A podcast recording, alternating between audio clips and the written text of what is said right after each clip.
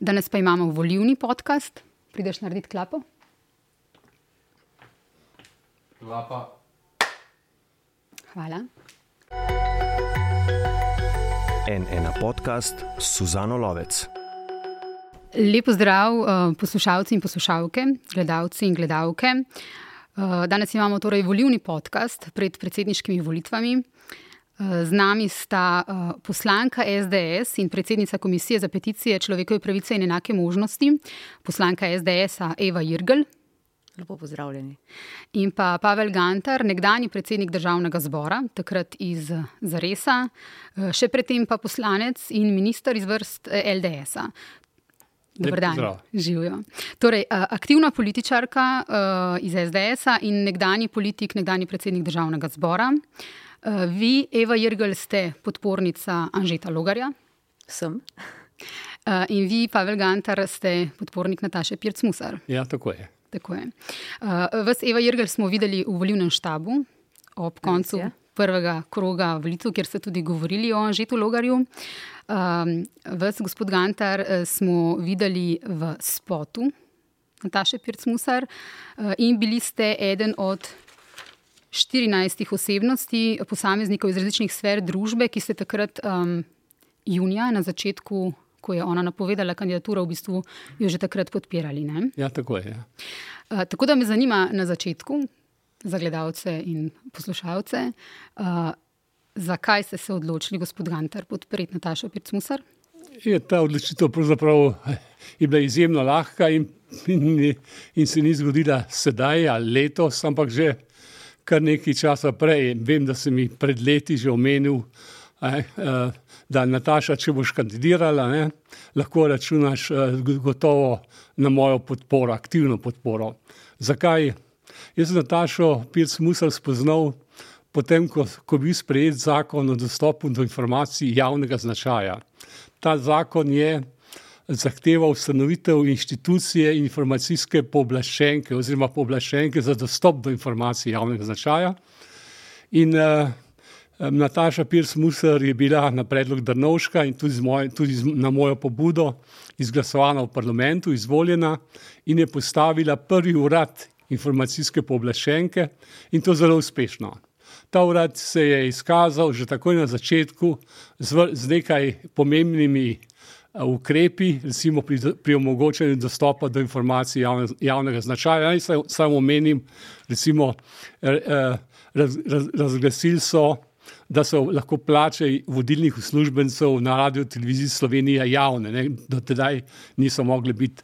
In je to težko pot uveljavljanja tega zakona je Nataša Pirc v desetletnem mandatu, dva, enkrat ga je še ponovila potem, je izvrstno pravila.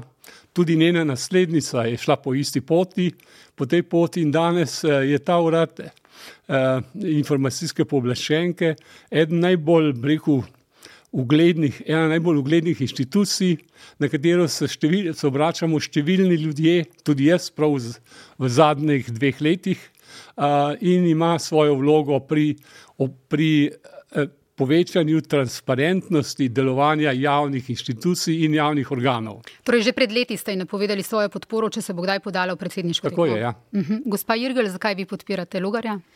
No, mi dva z Anžetom Logarjem nisva samo politična sopotnika, ampak tudi zelo dobra prijatelja. In uh, mi dva sva se tudi že prej pogovarjala o različnih možnostih, priložnostih v politiki. In uh, takrat, ko se je odločal o tem, da bi dejansko kandidiral za predsednika države, je imel vso mojo podporo. In še danes tudi verjamem, da bo v nedeljo zmagovalec teh volitev. Zakaj? Zaradi tega, ker um, vem, da je Anžel Logar v prvi vrsti zelo srčen človek. To se je pokazalo tudi med kampanjo, celotno, ko je hodil med ljudi, kako ga imajo ljudje radi, kako so ga začutili, sprejeli za svojega. Glede na to, da je moj dolgoleten prijatelj in to se mi zdijo pomembne kvalitete za dobrega predsednika države, kar Anžel Logar nedvomno bo, moram povedati, da je vedno stal ob strani, tudi ne samo v lepih trenutkih, ampak tudi takrat, ko smo doživljali težke preizkušnje, da mu je mar, to je pokazal in to so vse kvalitete, ki delajo dobrega predsednika države. Obenem, Anžel Logar, mislim, da v ta politični prostor in tudi družbeni, širše, če tako pogledamo, vnaša nek, neko svežino, vnaša nek zdrav razum, tudi prepotreben, in je tudi Eh, človek, ki ima izjemno širino. To se je pokazalo tudi v prejšnjem mandatu, ko je bil ministr za zunanje zadeve, ko je stkal mnoga prijateljstva z mnogimi tujimi državniki in to se mi zdi tudi izjemna kvaliteta za dobrega predsednika države in to tudi taka popotnica za vnaprej. Skratka, jaz mislim, da uh, odločitev v nedeljo um, za ljudi ne bi smela biti težka, ampak lahka. Eh, če želijo imeti eh, na čelu države nekoga, ki ima že politično kilometrino, ne na zadnje politika je vendarle eh, obrt. Um, mislim, da um, mora biti na takšni funkciji oseba, ki uh, sploh v situaciji, v kakršni uh, se sedaj nahajamo zaradi vojne v Ukrajini, nekdo, ki uh, zelo dobro pozna mednarodni prostor in uh, mislim, da se moramo tudi vsi varno počutiti ob uh, nekomu, ki zaseda takšno funkcijo in ob Anžetu Logarju se zagotovo bomo. Gospod Gantar, kako kot podpornik ja. Nataše Pircmusar odgovarjate? No, jaz bi rekel predvsem to, no, da jaz eh, ne bom to govoril proti kandidatu, ampak eh, zato, ker je cela kampanja tudi Nataše Pircmusar, kot sem jo spremljal, šla v tem, da je ona predstavila svoje poglede in se ni toliko vtikala ali pa kritizirala drugih v tem smislu, če pogledate, jaz zastopam ta stališča uh, in uh, pač jih je. je moje mnenje je to, no, da je Nataša ima izraziti smisel in občutek za javno dobro, ne, za to, za skrbi drugih, ne, ne samo to, kako bo ona ne vem, nekaj storila, ampak kako bo lahko na nek način pomagala in ukrepala, eh, eh, tako da bodo tudi drugi lahko imeli kaj od tega. To se je posebej izrazilo zdaj v teh dveh letih eh, Janšove vlade, kjer, je, kjer smo bili, bili priča temu, da bomo zdrsnili ravno kar v tako imenovano iliberalno demokracijo, ko so bile kršene nekatere eh, temeljne svoboščine in podobne stvari, ko se je ona z vso silo in voljo postavila uh, na stran uh, tistih, katerih krivice in pravice so bile kršene na takšen ali drugačen način, ko je javno se izpostavila, pa se moče ne bilo treba, je vendar odvetnica in tako naprej. Tako da v tem smislu ima ta občutek za za druge ljudi, za javne probleme in ne beži od njih. Eh, prav tako bi lahko rekel, da je ta njena izkušnja v javnem življenju, ne, eh, je seveda hkrati tudi na nek način politična izkušnja in to, kar jo dela, po mojem mnenju, zelo pomembno je, je, je da ona ni zrasla, se ni, kot bi rekli, socializirala v krogu neke politične stranke, tako kot Anžel Logar, ampak je pravzaprav v, izhaja, lahko bi rekli, iz civilne družbe. In eh, v tem smislu je tudi ona povdarja, da ni eh, strankarska, da ne izhaja iz strankarskih logov, da, da jo ne vežejo neke strankarske zaveze in obljube in ne nosi tega nahrbnika, eh, kot ga seveda danes seveda, je prisiljen nositi eh, Anžel Logar. Želeli ste repliko? Ja, gledajte, eh, jaz pa menim ravno obratno. Če je kdo v tej kampanji, eh, to smo videli na soočenjih, se ukvarjal pretežno z drugimi ljudmi eh, in konkretno s kandidati je bila ravno to gospa Nataša Pirc-Musar. Anžel Logar je bil pa tisti, ki je dejansko govoril o tem, kaj lahko ponudi ljudem kot predsednik države, kaj je njegova vizija razvoja države. Eh, Nataša Pirc-Musar pa smo lahko videli, se je ukvarjala predvsem s tem, eh, bom rekla, tudi malo s podtikanjem določenih tem eh, predsedniškemu protikandidatu ni pa se ukvarjala toliko s tem, kaj lahko ona ponudi tem državljanom, da se bodo bolje počutili v državi, da bodo uh, v državi, bom rekla, uh, spoštovane neke kvalitete, ki danes mogoče stopajo malce v ozadje. Tukaj govorim o čutu za pravičnost, ki ga Anžel Logar recimo ima. Jaz sem večkrat z njim govorila o različnih temah, tudi sama sem zelo naklonjena politikom, ki imajo odnos uh, ne samo do ljudi, ampak tudi do celotnega delovanja in funkcioniranja države na splošno. Eh, in še posebej sem, eh, bom rekla, eh, ponosna na tiste politike, ki v političnem krogu skozi celotno dolgoletno kariero lahko ohranijo čut za pravičnost. Pravičnost namreč dela pravične odnose med državljani Republike Slovenije in tudi zdrave odnose. In jaz sem prepričana, da če bo predsednik države, eh, dr. Anžel Logar, eh, se bo najprej še posebej o zelo občutljivih, subtilnih, eh, zahtevnih temah, ki mogoče tudi delijo slovenski prostor, najprej pogovoril s ključnimi deležniki oziroma s tistimi, ki jih neka tema se dotika.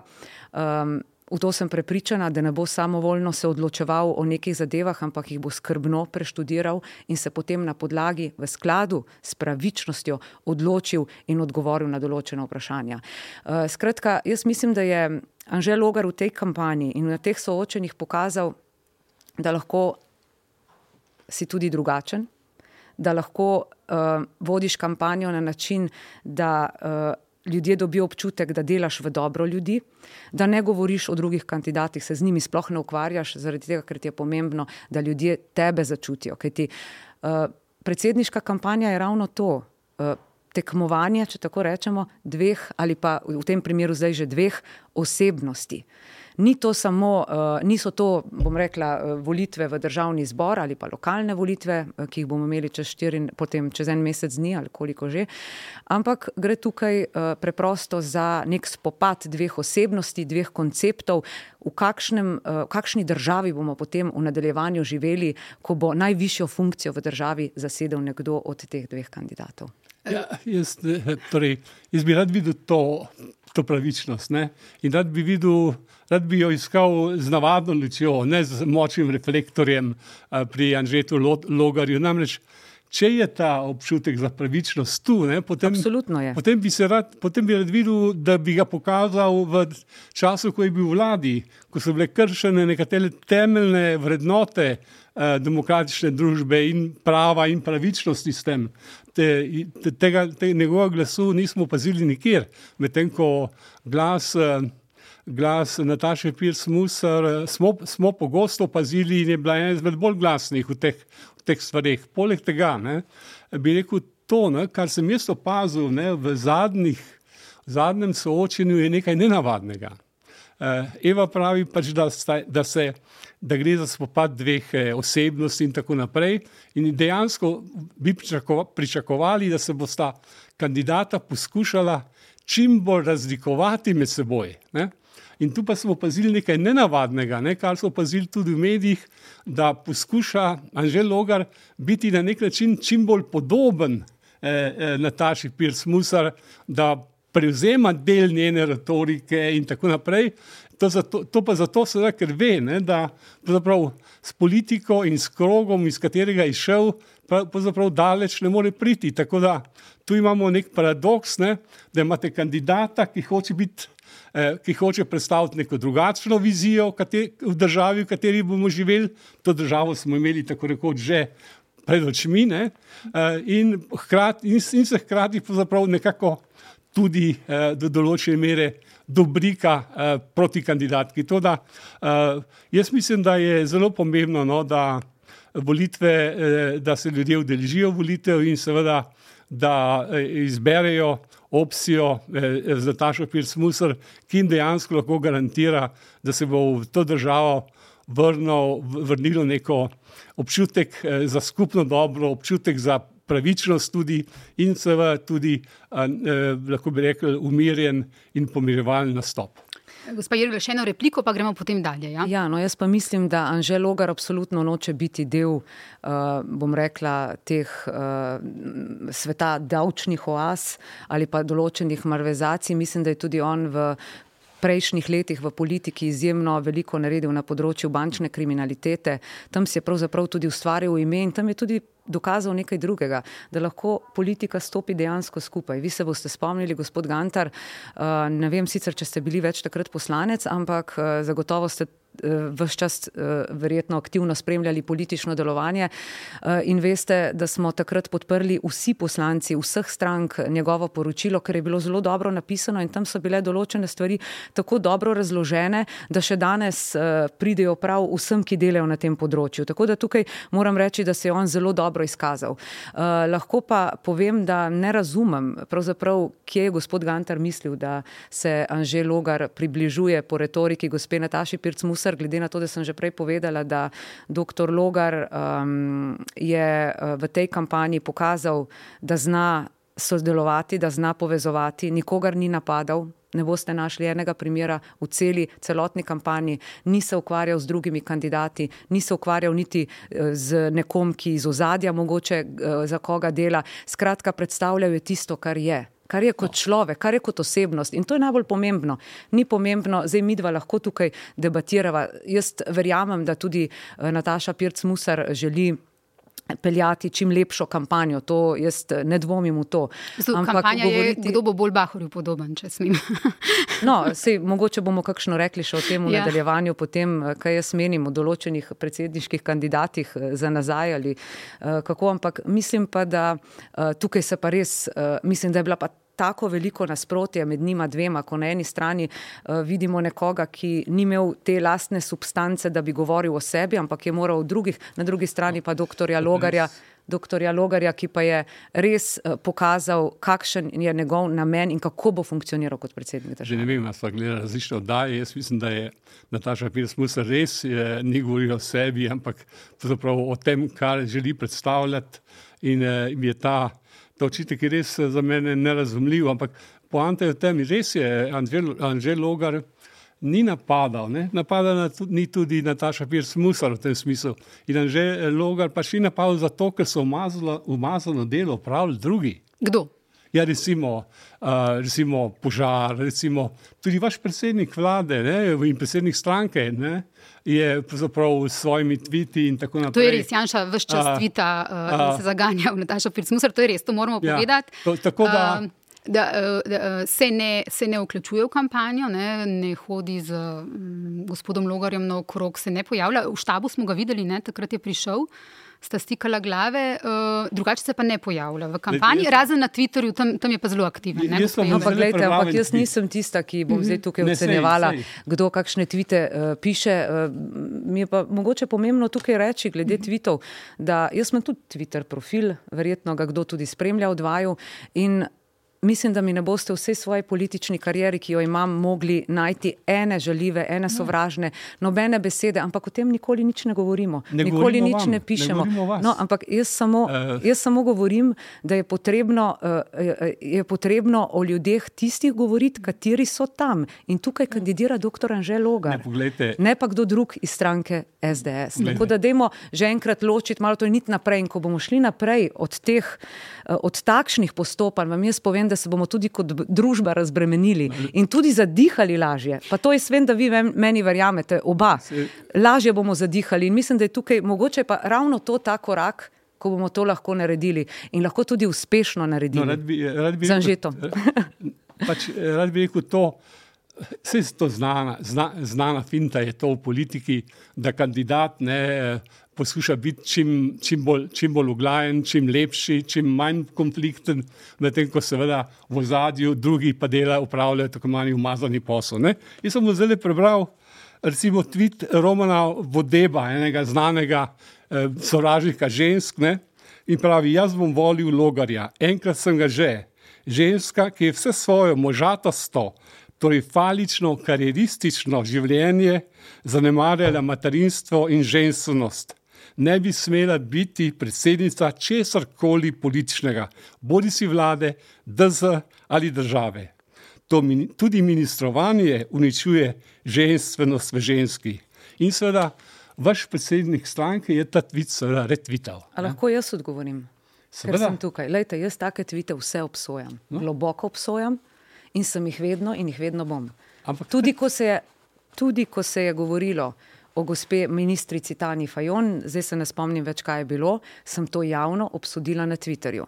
Tako da meni, jaz nisem zdaj v pravem položaju tukaj, ker absolutno uh, ne zagovarjam nikakršnega takšnega govora in je nespremljiv na obeh stranih. Upam, da lahko gremo od te točke naprej, ker mislim, da je čas, da tudi malo uh, pač. Uh, bom rekla, se začnemo pogovarjati tudi o bolj resnih temah, ne mislim samo tukaj v tem programu. Tema. Seveda je, ampak imamo pa tudi v širšem kontekstu. Situacijo takšno, uh, ki je pa res zaskrbljujoča, ker so pa ljudje v zelo hudih stiskah. In vam bom povedala, zakaj vam to govorim. Zato, ker jaz kot predsednica Komisije za človekove pravice dnevno dobivam v državni zbor peticije, kjer ljudje dobesedno se soočajo s hudimi stiskami ne morejo preživeti, jaz se s tem ukvarjam. Mm ampak se res ukvarjam. in skušam delati v dobro ljudi in v dobro te države. In verjamem, da tako počne tudi dr. Logar. Sicer verjemite mi, da jaz ne bi podpirala kandidata, za katerega osebno res ne bi čutila, da bo delal. Tako, da bo delal v dobro in da bo dejansko udejanjal ta svoj slogan, ki ga ima: Sodelujmo za prihodnost. Moj slogan, že več let, bom rekla, več let v politiki je: Delajmo v dobro ljudi ne delamo, delajmo v dobro ljudi. Kaj to pomeni? Vsi skupaj delajmo v dobro ljudi. Če se pravi, vsak naj prida nekaj, da se bomo v tej družbi bolje počutili. In še enkrat, jaz absolutno se ograjujem od takih tvitev in jih obsojam. Ampak so pa tudi druge stvari v tej državi, Janši, ki so bistveno bolj pomembne. Se poante točno v tem, ne? Da je ta tweet uh, bil uh, retvitan uh, strani vašega predsednika stranke, ki ima 120 tisoč sledilcev. In poanta je v tem, da vi ste rekli, delajmo dobro ljudi. Lejte, delajmo do, v dobro ljudi. Ja, ja. Dajte mi povedati človeka v tej državi, ki se s tem ne bi strinjal. Ja, jaz upam, da so vsi. Ne ja, delamo no, pa ampak, vsi tako. Torej, ko delamo v dobro ljudi, ne, zdaj pa to vam povem, ne samo kot politik, ampak kot sociolog, si moramo bolj jasno narisati, uh, kaj pomeni to delati v dobro ljudi. Kljub stvari, kljub stvari, ki ste jih naredili v zadnjih dveh letih vlade, pravzaprav ni bilo dobro ljudi. Je, bilo, je, bilo, je bil odmik od dobrih ljudi od tega, kar, se, kar pomeni delati eh, v dobro ljudi. Eh, način, kako se je, ne moramo dejansko, ne moramo nobene vlade okriviti, recimo, eh, za, vem, za, za dokaj neuspešno soočanje s koronavirusom, tudi Janšove vlade ne.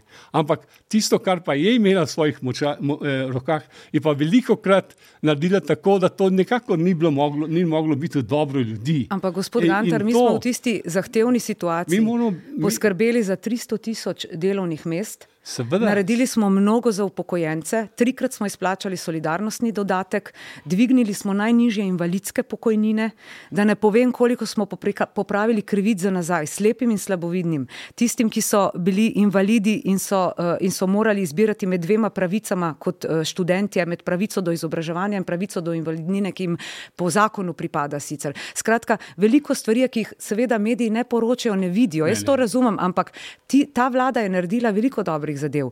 Ampak jaz mislim, da se danes pogovarjamo o predsedniških se, se, ja, kandidatih in kandidaturi. Uh, da povzamem. Gospod Gantar, vi skratka ste prepričani, da je največja, recimo, slaba plat uh, proti kandidata vaše kandidatke, gospoda Logarja, uh, to, da je član, aktiven član SDS-a, da je bil član prejšnje vlade, da je blizu Jane Zujanži. A vas prav razumete? Ja, prav me razumete. Okay. Predvsem, predvsem rekel, na, na, na hrbtnik, ki, ki ga je nosil zadnjih 15 let, se ga ne more znebiti kar tako, da bi ga odvrgel stran in zdaj je popolnoma nov človek. In smisel v tem smislu se mi zdi uh, del njegove kampanje fundamentalno, lah, eh, kako bi rekel, fundamentalno ponarejen. In, uh, in to je tisto, kar mene še posebej moti. Okay, in gospod Irgl, uh, vam se pa zdi, da je proti kandidatka vašega kandidata, gospoda Logarja, torej Nataša Pirc-Musar, da se vtika v uh, kampanjo gospoda Logarja oziroma van, da se bolj ukvarja z njim v kampanji kot sabo, uh, da ni tako zagotovilo pravičnosti, kot bi bil on, če vas prav razumem, uh, in da ima nek nahrbnik s posli svojega moža. Je, najbolje, najbolje je, da uh, voljivci v nedeljo presodijo o tem, ali, ali jim je po teži, bom rekla po teži, večja težava to, da nekdo izhaja iz uh, stranke SDS, katero izhajam tudi sama in delam v dobro ljudi, ali pa je večja teža na tem, da nekdo ne zna pojasniti, kakšni so posli moža oziroma kako je z davčnimi oazami. No, to je stokrat pojasneno in to je edino, kar bi radi imeli, to, to je orodje, ki je, ki je izmišljeno. To, to edino še lahko ponavljate, čeprav je Nataša Pirsmusar eh, že stokrat uh, uh, to pojasnila, vedno znova in vedno znova se pojavlja. Mi vemo, jaz se vem, jaz ne poznam imena nobene od drugih kandidatov, ki so bili v prvem krogu, imena njihovih soprogov ali pa žena in tako naprej. Vsi poznajo, ne vem, ime uh, na, uh, soproga Nataše, uh, Nataše Pirsmusar.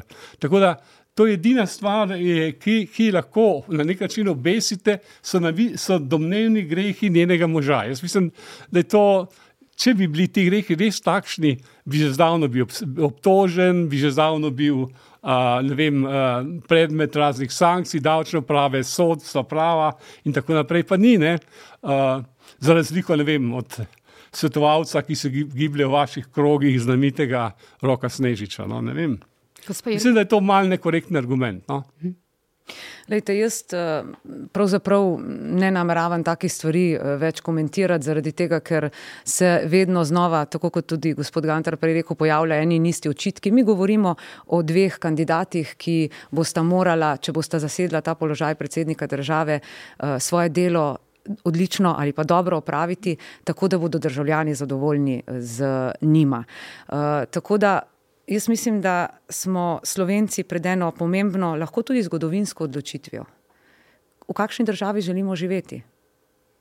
In ko si bomo odgovorili na ta vprašanja, bomo lahko to videli. Kajti, poglejte, tudi tako bom, če bom nastavila, mogoče bolj širše politično. Če recimo zmaga v nedeljo Nataša Pirc-Musar, potem bomo imeli na vseh odločilnih, najpomembnejših funkcijah v državi levo politično opcijo in, kar je še bistveno bolj pomembno, na vseh treh položajih, torej predsednika države, predsednika vlade, predsednika parlamenta, osebe, ki praktično niso bile en dan prej v politiki, no z izjemo predsednika vlade. In vidimo, kako to funkcionira in deluje. Eh, ne poznam eh, nobene eh, države z zrelo demokracijo, z večletno, mislim, s tradicijo demokratično, ki bi na takšen način se, bom rekla, zauzela držo do države. Tako da jaz mislim, da je Čile, to zelo. Recimo, predsednik novi. Mislim, da je to zelo zelo pomembno, jaz govorim o vseh treh najvišjih funkcijah in je pomembno to izpostaviti uh, na tako pomembnem omizju, kot je danes, ker mislim, da ljudje, um, ki bodo to spremljali, morajo imeti tudi ta uvid v to. Zato tudi pravim, da uh, res naj v nedeljo razmislijo in uh, pač gredo na volišča in volijo osebo, ki ima tudi te politične izkušnje. Ne na zadnje, Anže Logar se je v zadnjih dveh letih uh, zelo izkazal kot minister za zunanje zadeve. Um, jaz vem, da je dal veliko tudi, uh, mislim, bil zelo proaktiven v zunanji politiki. Nekako smo takrat tudi postavili Slovenijo nazaj na zemljevid, uh, kajti veste, da v tistem času, sploh ko je bil COVID situacija, uh, so si države med seboj pomagale. In ravno zaradi Anžeta Logarja, ki je kot zunani minister gojil res zelo tesna prijateljstva z mnogimi državami, smo si lahko med seboj pomagali, dobili hitro pomoč. Mi smo takrat, ko smo imeli recimo kakšnih resursov več, dali določenim državam, jih oni potem nam nazaj. Skratka, to so zelo pomembne stvari in tudi ta izhodi. Vsaka vlada mora početi na normalen način. To ni nič posebnega. Jaz sem, Vi poglejte, hvalite smo... to, kar bi pač vsaka vlada morala delati. Ne, se Seveda, se, jaz se strinjam z vami, z vami gospod Gantar, ampak ni delala. Prejšnji zunani minister, a veste, koliko obiskov bilateralnih je imel, pa ni bilo COVID-a.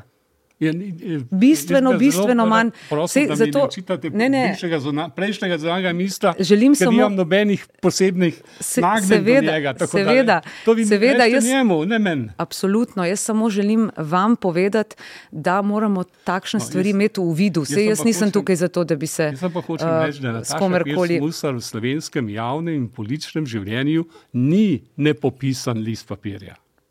Da je njena karijera javna in tudi politična, ne, strank, ne izhaja iz neke stranke in njenih zamejenosti, ampak iz širšega spektra civilne družbe, eh, prava.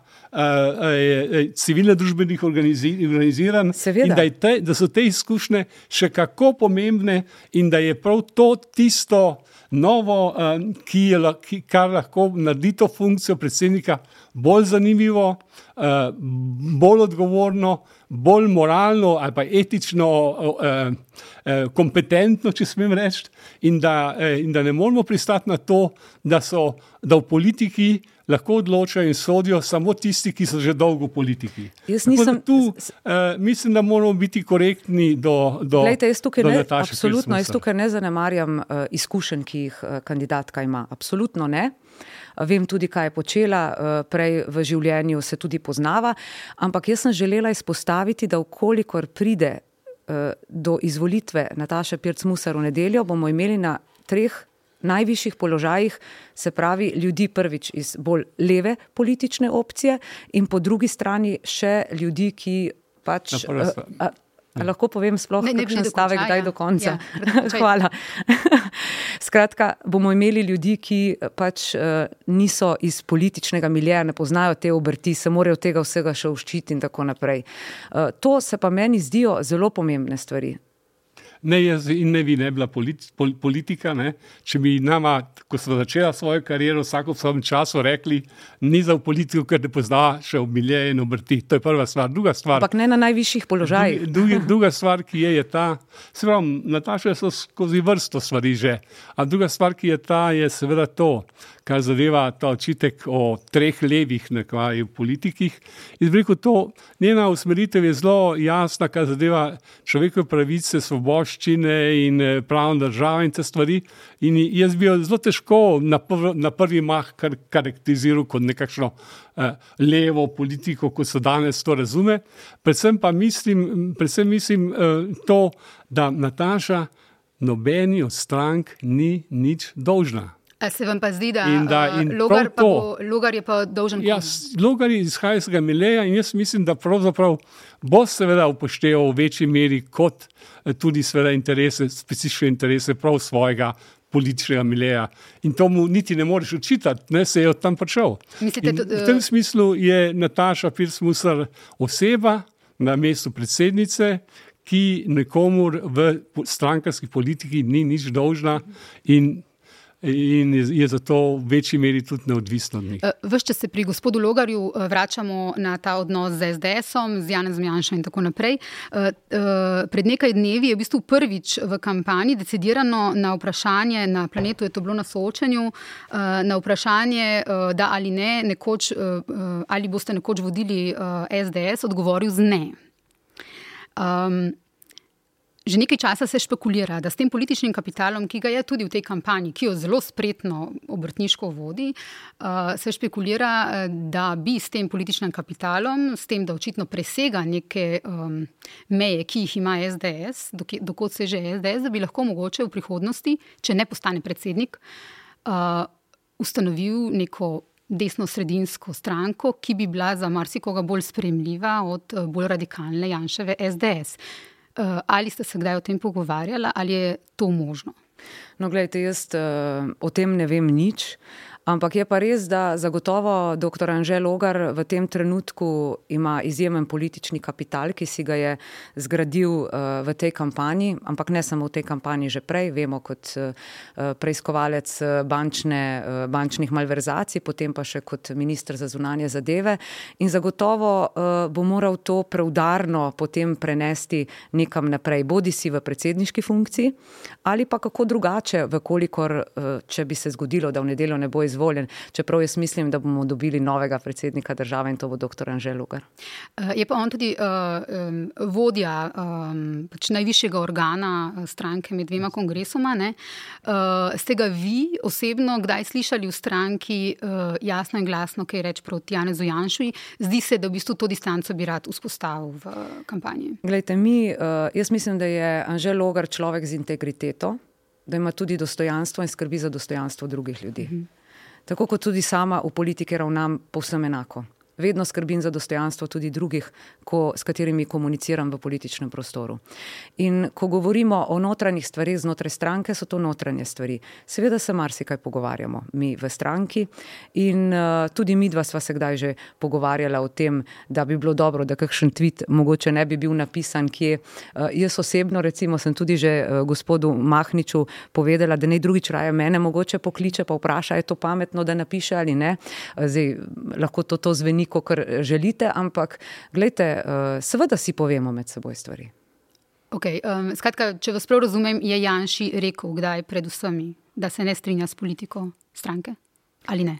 Mislite o tvitih ali o čem? Tudi o politiki stranke, recimo Lej... o vodenju vlade in tako naprej.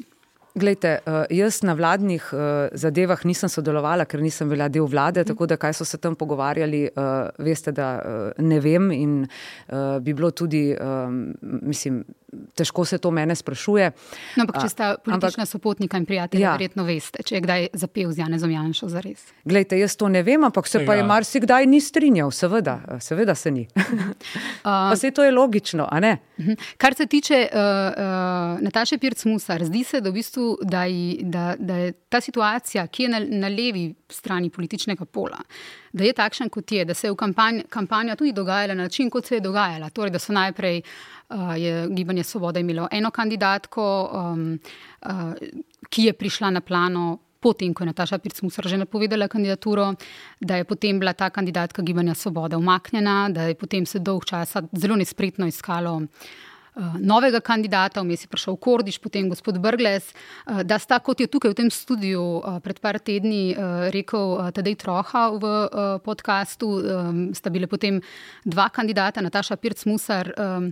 Eh, in Brgles, ki sta izgledala kot uh, kandidata Gibanja Svobode, s tem, da je Nataša Pirc-Musar bolj izgledala kot kandidatka Gibanja Svobode, da je prišlo do teh um, kregov, obračunavanj, kučan golob, kaj je golob govoril o kučanu kot podporniku, kdo spušča avtoritarnost in tako naprej.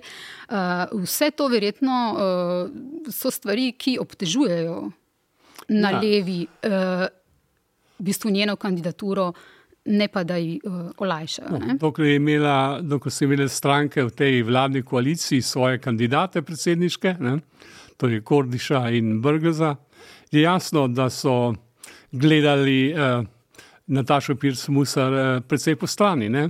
In da so jo pač poskušali pre, premagati v tem prvem krogu. Ne? To jim ni uspelo. Danes, seveda, uh, seveda podpirajo uh, Natašo Pirsmusar, ker je pač njim bližja, kot je pač Anžel Logar. To je posebno razumljivo. Medtem ko pa na samo Natašo in na kampanjo, pa to ni imelo nekega posebnega vpliva, saj jaz tega nisem opazil. Ne? Se vam ne zdi, da ima to lahko vpliv na to, ali bojo levi voljivci eh, v takšni meri prišli njo podpreti? No, kar je bilo to... izrečeno, o, kar je golob govoril. Recimo, ja, Se vam ne zdaj... zdi, da to lahko vpliva na, na to, kdo bo prišel v voljo? To bi lahko vplivalo celo ja, uh mhm. eh, -huh. na, na udeležbo. Eh, Voljivcev na levi strani, recimo, da tisti, ki so pač volili nekega druga, drugega na levice, pač ne bodo prišli na volišče ponovno, to bi lahko vplivalo. Vendar jaz mislim, da bojna. Vendar jaz mislim, da predcenjujemo zdaj to vlogo strank. Ljudje nis, niso neumni, ljudje so pametni. Ljudje ali imajo stališče ali nimajo je odvisno. In če ocenjujejo uh, in o, o tem, ali naj grejo na volišče, na volišče in koga bojo podprli, je predvsem odvisno od njih samih, ne toliko od tega, kako se obračajo sem in tja uh, politične stranke. Tako da uh, jaz verjamem v, v, v to volilno telo, da je da, da bo na, na osnovi izkušenj, ki jih ima v zadnjih letih, v, se odločilo za, eh, po mojem, najboljšo eh, kandidatko ne, in to je seveda Nataša Pirs-Musar in da bo zmagala. Um, še nekaj bi rekla o, o kampanji ali pa o izgledu uh, na teh soočenih. Zdi se, uh, kot je Nataša Pirs-Musar. Uh, Skoraj malce nerodno, da jo mogoče Golob pa Jankovič podpirata. Mogoče ne toliko za Goloba, ampak pri Jankoviču se zdi, da je skoraj malce nerodno in roko na srce, komu pa ne bi bilo. Mislim, gre za nekoga, ki se objema z zanikovalcem genocida Dodikom, za človeka, ki govori o tem, da je prijatelj z Vučičem, vemo, kakšen odnos ima do žensk in lahko. To, da recimo Jankovič javno razglaša, da, da bo glasoval za njo, iškodi. Ja, tega eh, Nataša Pirsmusar gotovo ne more preprečiti. Ne, da da, bi, eh, eh, da se nekdo razglasi in da bo, in da bo glasoval za njo. To je pač to. Ne? In seveda. Za njo upam, da bo glasovalo čim večje število ljudi, med drugim tudi Jankovič. Ne, ne, ne glede na to, da tudi jaz ne, recimo, imam skup pomislekov, v zvezi z njegovo politiko v zadnjih petih letih v mestu, da ne govorimo o Vučiću in podobnih stvareh. Uh mhm. Ampak, gledajte, na volitvah se ta, se ta izbira ne, ne, ne, ne zvede na to vprašanje, ampak na vprašanje, koga boste izbrali za predsednika republike. Ja, tako kot je gospa Irgl rekla, mogoče na to, kako začutijo človeka. Ja, recimo. Kako se vam zdi, kaj recimo bi bila Slovenija pod Natašo Pirc-Musar, glede na njeno osebnost, glede na to, kaj je zdaj v kampanji pokazala? Mislim, da bi bila bolj sproščena. Mhm, gospa Jr. Da bi bila bolj sproščena. Ja. To je najboljši vse. Gospa Jrgel. Dobro je povedal, ker to je tudi eden izmed sloganov Anžeta Logarja, sproščena Slovenija. Jaz mislim, da uh, Anže Logar bo vnesel in že vnaša ravno to, da bomo bolj sproščeni, da bomo nekako lažje zadihali. Jaz moram reči, da res včasih uh, imam kar malo občutek, da so ljudje nekako malo v krču in da si res želijo te neke nove energije. In mislim, da to energijo prinaša ravno Anže Logar. In na predsedniškem položaju je to še kako pomembno. No, ta sproščenost je nastopila že po, po letošnjih parlamentarnih volitvah, se je opazilo takoj. Uh, in jaz mislim, da bi izvolitev uh, to samo uh, na naših pismih samo še utrdilo. Uh, Slo, predvoljni slogan je pač predvoljni slogan. Ne? In, uh, okay, ka, veseli me, da ga bo uresničila nasprotna stran. kakšna, pa, kakšna bi bila Slovenija, če postane predsednik gospod Logar? Ja, imeli bi veliko teh konfliktov, po mojem, predvsem pri predlaganju, pri imenovanjih določenih funkcij in tako naprej. Verjetno bi imeli vsaj deloma tudi na področju zunanje politike lahko občasnih hišna dvotirnost. Sicer pa mislim, da ne bi bila neka, neka, neke, nekega radikalne krize ali dvovladja, to sigurno ne bi pomenilo. Uh, verjetno neko več uh, vprašanje, no, kako bi bilo predvsem pri imenovanjih uh, ljudi ne, v, na različne mesta, na sodniškem, na mesta ustavnih sodnikov, nekatere druge funkcije se odpirajo. Uh, čeprav tudi tu moramo reči, da uh, Nataša Pirc Musar bo dobro premislila o marsičem, eh, ko bo tudi sama se odločila in bo, in bo predlagala kakšne uh, kandidate za kakšna pomembna mesta. No? Mhm. Kakšna bi bila Slovenija pod Natašo Pirc Musar kot predsednica? No, jaz mislim, da uh, predvsem bi bila pod Anžetom Logarjem povezovalna in sodelovalna, kar se je videlo skozi celotno kampanjo. Na eni strani smo torej imeli kandidatko, ki se je ukvarjala z drugimi, na, drug, na tej strani pa nekoga, ki je povezoval in je dejansko sodeloval in si tudi tega želi. In mislim, da je tudi čas, glede na to, da, eh, da, da bi na tem prostoru nekako uh, zasedel ta prostor, uh, tudi za, zdrav, za zdravje družbe bilo, bi bilo to pomembno. Nekdo, ki uh, je nekako uh, desno-sredinsko pozicioniran, ampak čuti pa, da je potrebno poenotiti in združiti ljudi. In tukaj mislim, da ima Anžel Logar eno posebno kvaliteto in da bo lahko nadaljeval dobro delo uh, predsednika Boruta Pahorja v tem sodelovanju in povezovanju, tudi kar se zadeva tem, ki nekako delijo slovenski narod. Čeprav jaz včasih mislim, da, to, da so te delitve tudi bolj umetno napihnjene, potem pa se nekako no, primajo. jih predvsem politika. no, pa tudi mediji ne, sodelujete pri tem, ne govorim za vaš medij, ampak občasno verjetno kakšni mediji radi tudi podpihujejo dodatno določene delitve. Ampak recimo, če pogledamo samo področje sprave, jaz mislim, da je dosedajni do predsednik države. Zelo veliko naredil na tem področju. To lahko govorim zaradi tega, ker sem sama veliko delala uh, na, tem, na teh stvarih.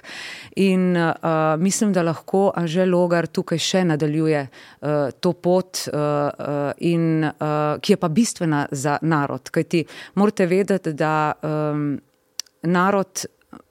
Mora, tako bom rekla, no, zunanje ministrstvo za, švicarsko zunanje ministrstvo je pred leti izdalo tako imenovan diagram sprave, kjer so povedali, da Eh, če niso zaključeni vsi elementi tranzicijske pravičnosti, potem ne more priti do sprave. Ampak mi smo pa zdaj res na dobri poti in mislim, da z novim duhom predsednika Anžeta Logarja v predsedniški palači lahko uspemo, se povežemo, predvsem pa zaživimo potem res v bolj zdravi, sproščeni družbi, kar mislim, da vsi pričakujemo kot slovenke in slovenci. Ja, Kaj ti Slovenija je naš skupen dom? No, ne, vem, uh, ne vem, zakaj je bil ta proces. Uh, z Natašo Pilsmusar, kaj, kaj manj tekoč, kaj manj, rekla, kaj, manj, kaj manj uveljavljen. Vprašanje sprave ne, je vprašanje, lahko bi rekel, dejstva eh, vsakdanjega življenja. Ne. In tu je narejeno veliko, dejstvo pa je, ne, da nekatere stvari moramo še urediti, kot je recimo obeležitev uh, uh, uh, uh, ubitih in pomrlih in tako naprej. Vse te stvari še čakajo, nekateri simbolni akti so bili upravljeni, sicer pa mislim, da se v Sloveniji ne smemo preživeti tok nad spravo, ne? ker je praktično življenje to spravo do, do, do, do velike mere upravilo in žal je ponekod prav politiki odpravljajo to vsakodnevno praktično spravo. Um, ta predsedniška tekma poteka tudi v luči. Um, drugega trenutnega političnega dogajanja v Sloveniji, v luči razmerja političnih sil. Ok, bile so državne zborske volitve, smo pred lokalnimi volitvami, kot ste gospa Jrgel uh, omenili, smo tudi pred tremi referendumi. Uh, vidva bosta, gospa Jrgel, vi boste na vseh treh referendumih glasovali za? Uh, proti, pardon. Tako je. ja, na vseh treh proti? Tako je. Ja, meni prostane druga, kot da glasujem uh, za uveljavitev zakonov, torej ravno obratno kot gospa uh, Jrglova. Okay, um, najlepše se vam zahvaljujem za vajne poglede na vajna kandidata. Upam, da smo komu olajšali odločanje. Um, najlepša hvala še enkrat. Hvala tudi vam za povabilo. Uh, hvala tudi vsem gledalcem in gledalkam, poslušalcem in poslušalkam um, in za vas, uh, gledalci in gledalke, poslušalci in poslušalke, še to obvestilo. Uh, jutri v petek ne spregledajte na enega posebnega, drugačnega volivnega soočenja med obema kandidatoma, o katerih smo danes govorili. Uh, v nedeljo pa vsekakor ne spregledajte in z nami spremljajte. Uh, volivne rezultate, torej na nnainfo.com. Uh, tudi tokrat pošiljamo na teren uh, najboljše novinarje in tudi v Desku imamo najboljše novinarje. Se veste, kako mi rečemo, mi smo NN, mi smo vaš portal, torej vaš vir novic. Hvala lepa tudi vsem, ki nas spremljate.